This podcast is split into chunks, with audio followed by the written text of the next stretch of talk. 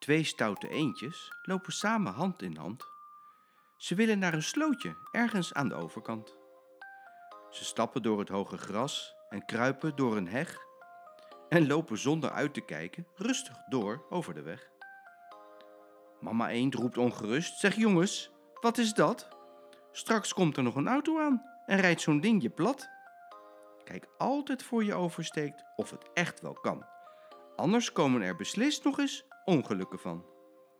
De eendjes zeggen: Sorry mam, wij zijn ook nog zo klein, maar we zullen echt proberen om niet meer zo stout te zijn.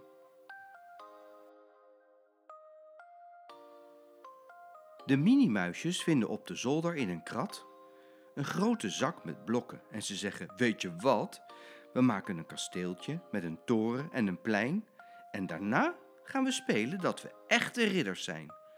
Ze zwoegen en ze sjouwen en ze bouwen steen voor steen, de muren en de kamertjes, voor ieder muisje één.